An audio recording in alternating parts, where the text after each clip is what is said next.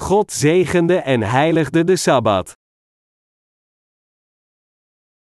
Genesis 2 vers 1 tot 3 Zo werden de hemel en de aarde in al hun rijkdom voltooid. Op de zevende dag had God zijn werk voltooid, op die dag rustte hij van het werk dat hij gedaan had.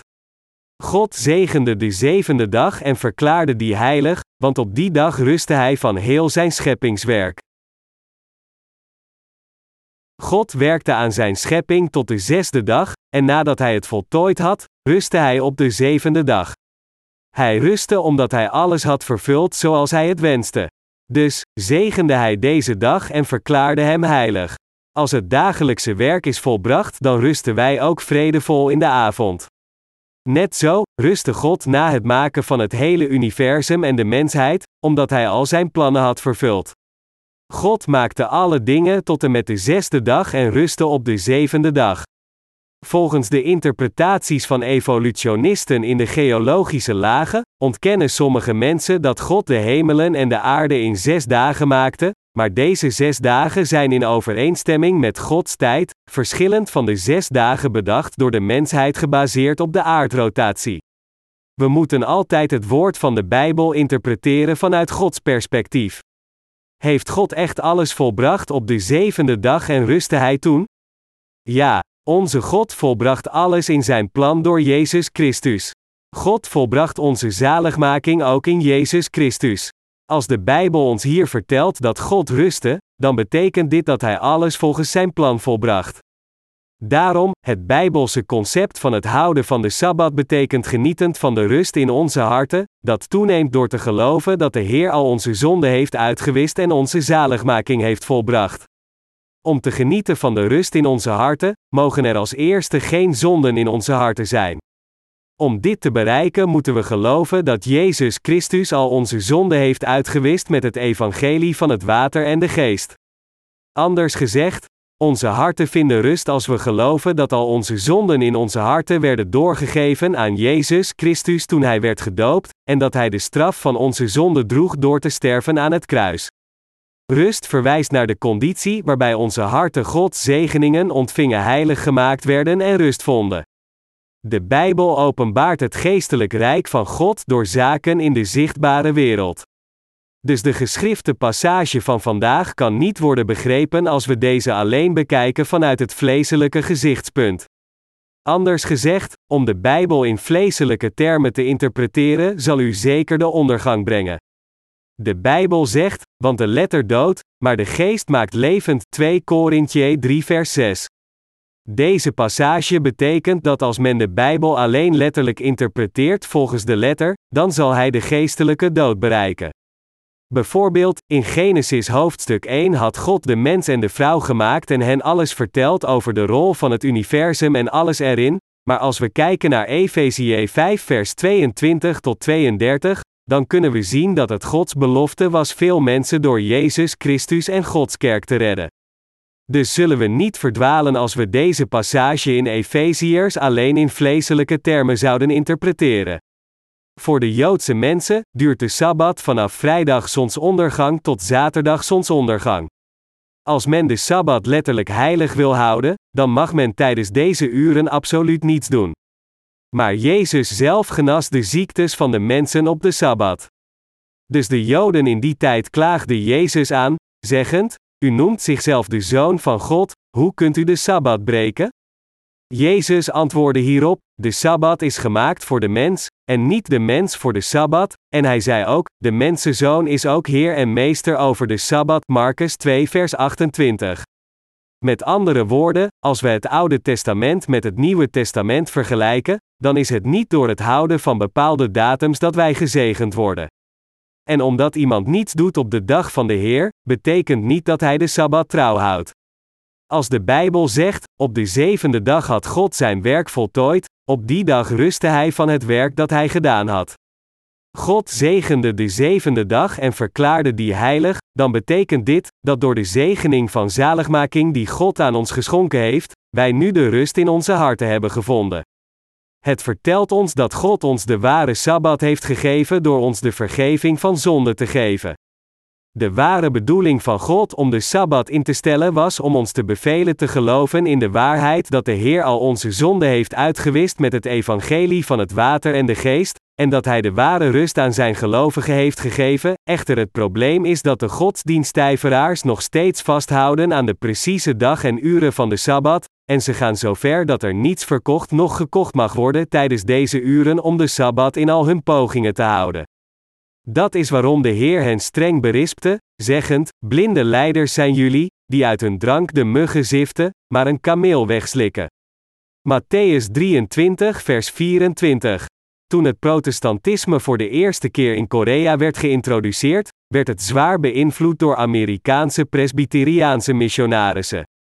Zij stichten en runden een seminarie in Pyongyang, in die tijd de grootste stad in het noorden van Korea, en brachten vele pastors voort.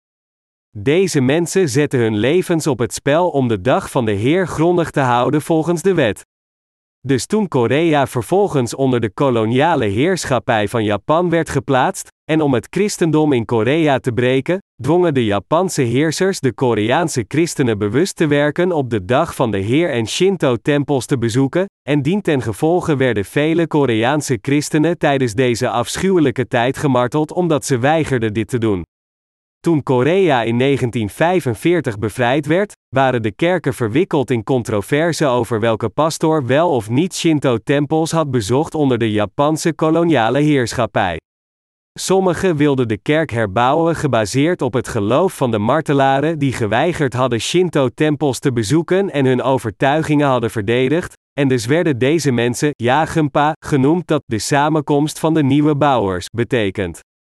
Na de bevrijding van de Japanse koloniale heerschappij, werd Korea verdeeld in twee aparte staten als gevolg van een grote machtspolitiek, wat resulteerde in de oprichting van twee afzonderlijke overheden die zich fel tegen elkaar verzetten, namelijk Noord-Korea en Zuid-Korea.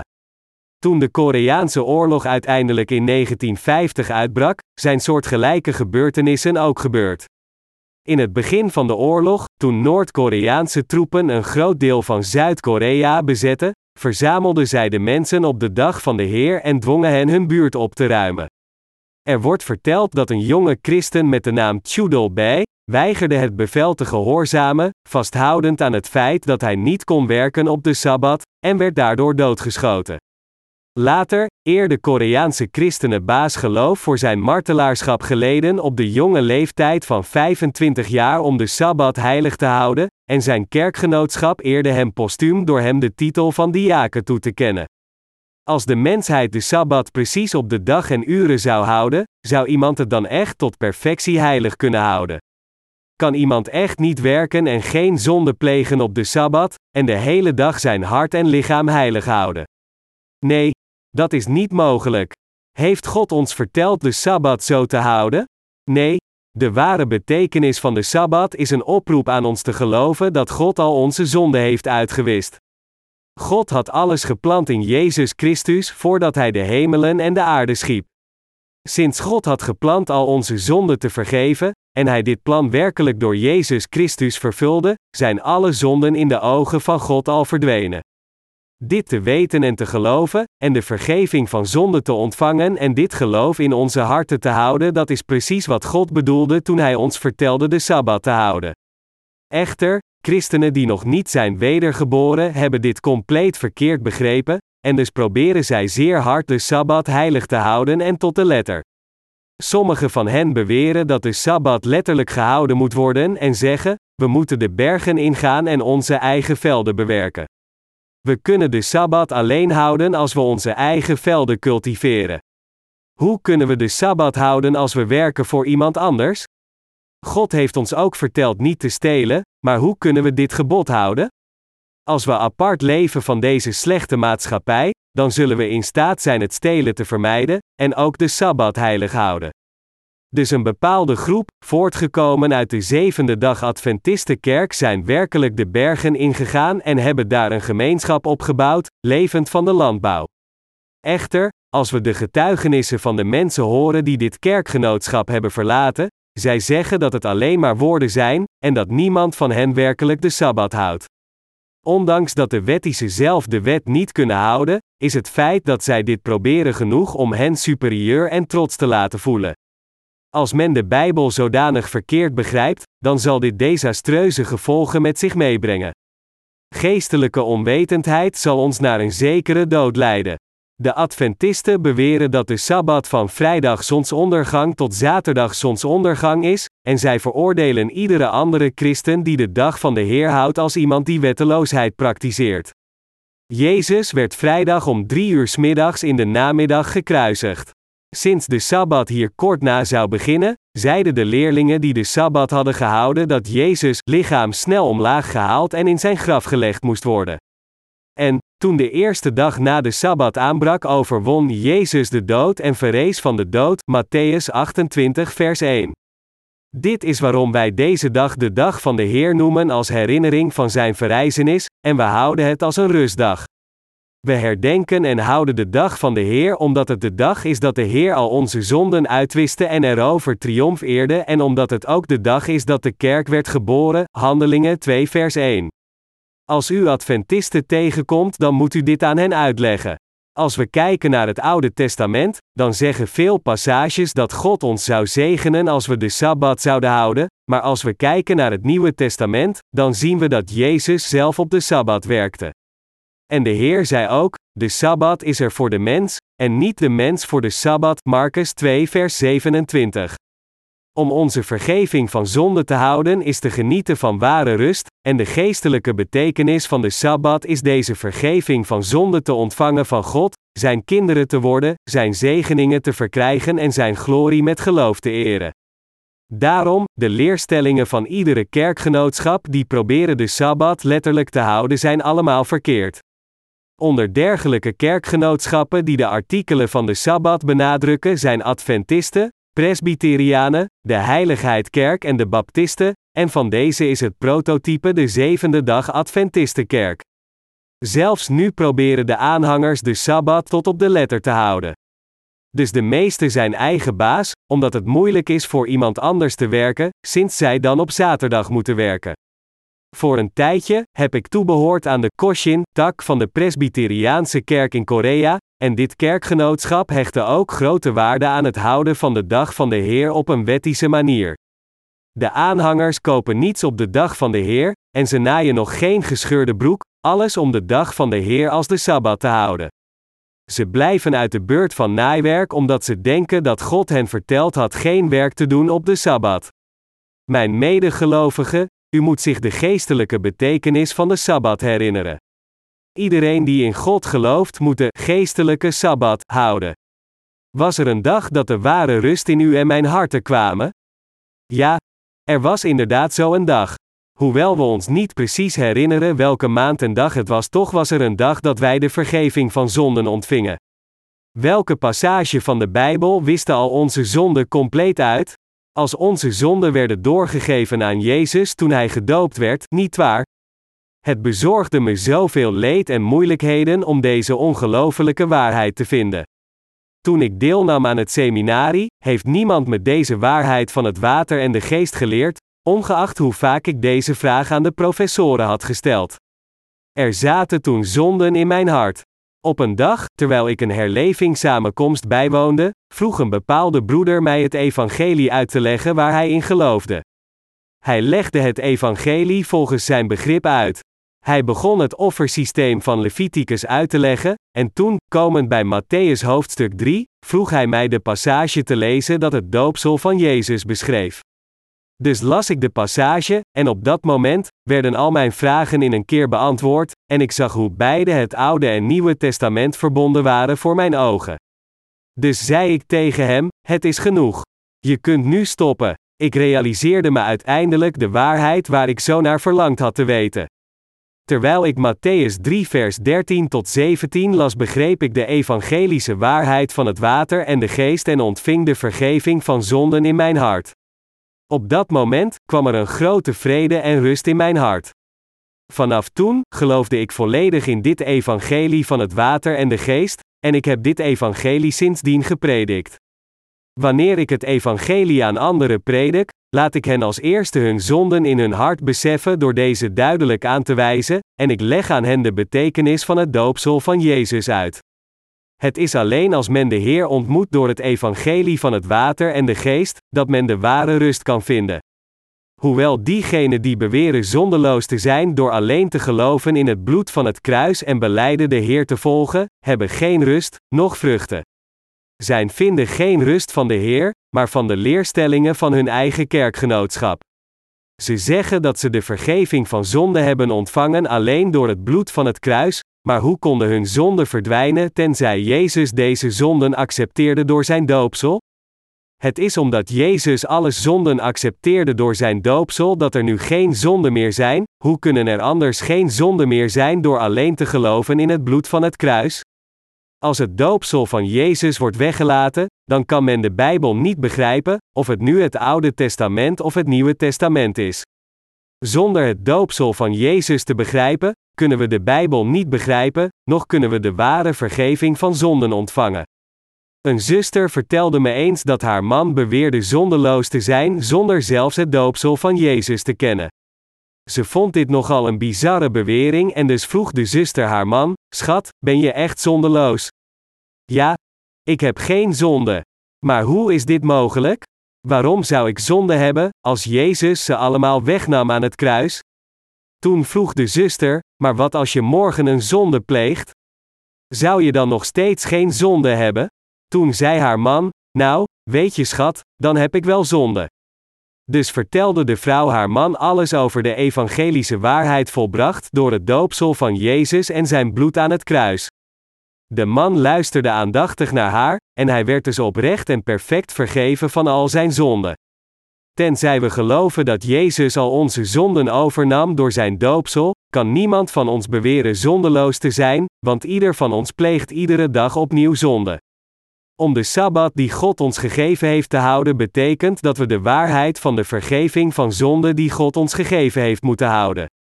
Het feit dat God op de zevende dag rusten geeft aan dat God ons de perfecte zaligmaking heeft gegeven. Het is niet door het fanatiek geven van de gebeden van berouw dat wij de vergeving van zonde hebben ontvangen. Per slot, gaven wij de gebeden van berouw? Hebben we gevast en gebeden? Werd iemand van ons gevangen gezet door campagne te voeren tegen Shinto-tempels? Nee, we hebben geen van deze dingen gedaan, maar alleen geloofd in het woord van God, en toch hebben we de vergeving van zonden ontvangen. Omdat God zelf al onze zonden heeft uitgewist met het evangelie van het water en de geest, zijn we nu zondeloos geworden door geloof. Het is alleen omdat we het perfecte evangelie hebben gevonden en erin geloven, het evangelie waarmee God al onze zonde heeft uitgewist, dat wij geen zonde hebben. Als we anders geloven in een half evangelie dat ons niet van het feit kan verzekeren dat God inderdaad al onze zonde heeft uitgeroeid, dan zal een dergelijk geloof onvermijdelijk veranderen, ongeacht hoe vurig we ook in God geloven en hoe hard we het ook proberen. Genesis hoofdstuk 1 legt Gods algemene plan voor ons uit, terwijl hoofdstuk 2 uitlegt wat God voor de zaligmaking van de mensheid heeft gedaan. Vanaf dat moment gaat God verder en geeft specifieke details over zijn kerk, hoe Satan de mens liet vallen, hoe God het plande al onze zonden uit te wissen en hoe we moeten geloven in God. Dus als we Genesis hoofdstuk 1 niet begrijpen, kunnen we de rest van het boek niet begrijpen. In tegenstelling, als we een goed begrip van hoofdstuk 1 hebben, dan kunnen we Gods algemene plan begrijpen, en daardoor kunnen we ook hoofdstuk 2 en 3 begrijpen en geloven. De eerste drie hoofdstukken van Genesis kunnen omschreven worden als het algemene ontwerp van de hele Bijbel. Op de eerste dag van zijn schepping sprak God over zijn vergeving van zonde, op de tweede dag over de geestelijke onderscheiding, op de derde dag hoe we nog steeds in onze vlees toch de vrucht van rechtvaardigheid kunnen dragen, op de vierde dag over hoe Gods dienaren te worden, en op de vijfde hoe te leven met geloof. Op de zesde dag vertelde God ons dat Hij de mensheid schiep volgens Zijn evenbeeld. Dat God de mens en de vrouw op die dag maakte betekent dat Hij verheugd was over het feit dat Hij Zijn kerk had gebouwd en al het werk van de zaligmaking door Jezus Christus had volbracht. En op de zevende dag zei God dat Hij rustte, want Hij had alles in overeenstemming met Zijn bedoelingen volbracht. Sinds God klaar was met het maken van het universum en alles erin, het volbrengend in overeenstemming met zijn bedoelingen, gaf Hij ons vrede. Dat is waarom God tegen ons zegt: In Christus immers heeft God, voordat de wereld gegrondvest werd, ons vol liefde uitgekozen om voor Hem heilig en zuiver te zijn. Efezië 1 vers 4. In feite, als u tot nu toe goed hebt geleerd, dan hebt u de hele Bijbel geleerd. Deze waarheid kunt u niet leren door seminaries bij te wonen. Het woord van God is iets dat niet begrepen kan worden door iemand die niet oprecht is wedergeboren. Dat is waarom zelfs onder beroemde theologische professoren er praktisch niemand is die deze waarheid kan leren. Dus diegenen die zijn wedergeboren door het evangelie van het water en de geest worden door niemand geïntimideerd, zelfs als zij mensen tegenkomen die grote theologen lijken. Het maakt niet uit hoe lang zij professoren van de theologie zijn geweest, zij weten absoluut niets. We vragen hen de Bijbel te openen en te spreken, zij kunnen niet zeggen dat de moeite waard is. Als mensen falen de vergeving van zonde door het woord van waarheid te ontvangen, proberen ze het woord van God te leren door theologie te studeren. Maar de Bijbel kan niet geleerd worden door wereldlijke geleerde inspanningen. Ondanks dat er zoveel christelijke boeken zijn, is er geen enkel boek dat het ware evangelie precies uitlegt. Dus hoewel veel geleerden hard hebben gestudeerd en vele geschreven werken hebben geschreven, is hun conclusie niets meer dan een menselijke leerstelling, ons prijzend deugdzaam te leven, gebeden van berouw te offeren en de Heilige Geest te ontvangen. Het is daarom onvermijdelijk dat het hedendaagse christendom aan een scherpe daling is begonnen. In Europa heeft het christendom voor honderden jaren gefloreerd, maar gedurende korte tijd is het hulpeloos vervallen. In Groot-Brittannië, dat een van de bolwerken van het christendom in de wereld was, zegt men dat christenen met regelmatig kerkbezoek nu minder dan 5% van de totale bevolking uitmaakt. Er doen zich min of meer soortgelijke fenomenen voor over praktisch alle andere zogenaamde christelijke landen, waar de complete bevolking ooit geloofde in Jezus Christus slechts een eeuw geleden. Hetzelfde gebeurt nu in Korea. Voor een tijdje was het aantal christenen grondig aan het toenemen, alsof het in brand stond, maar nu wordt het ieder jaar minder. Dit gebeurt omdat christenen geloven zonder de waarheid te kennen. Als zij geloofd hadden in het evangelie van het water en de geest, dan was het christendom niet zo aan het vervallen.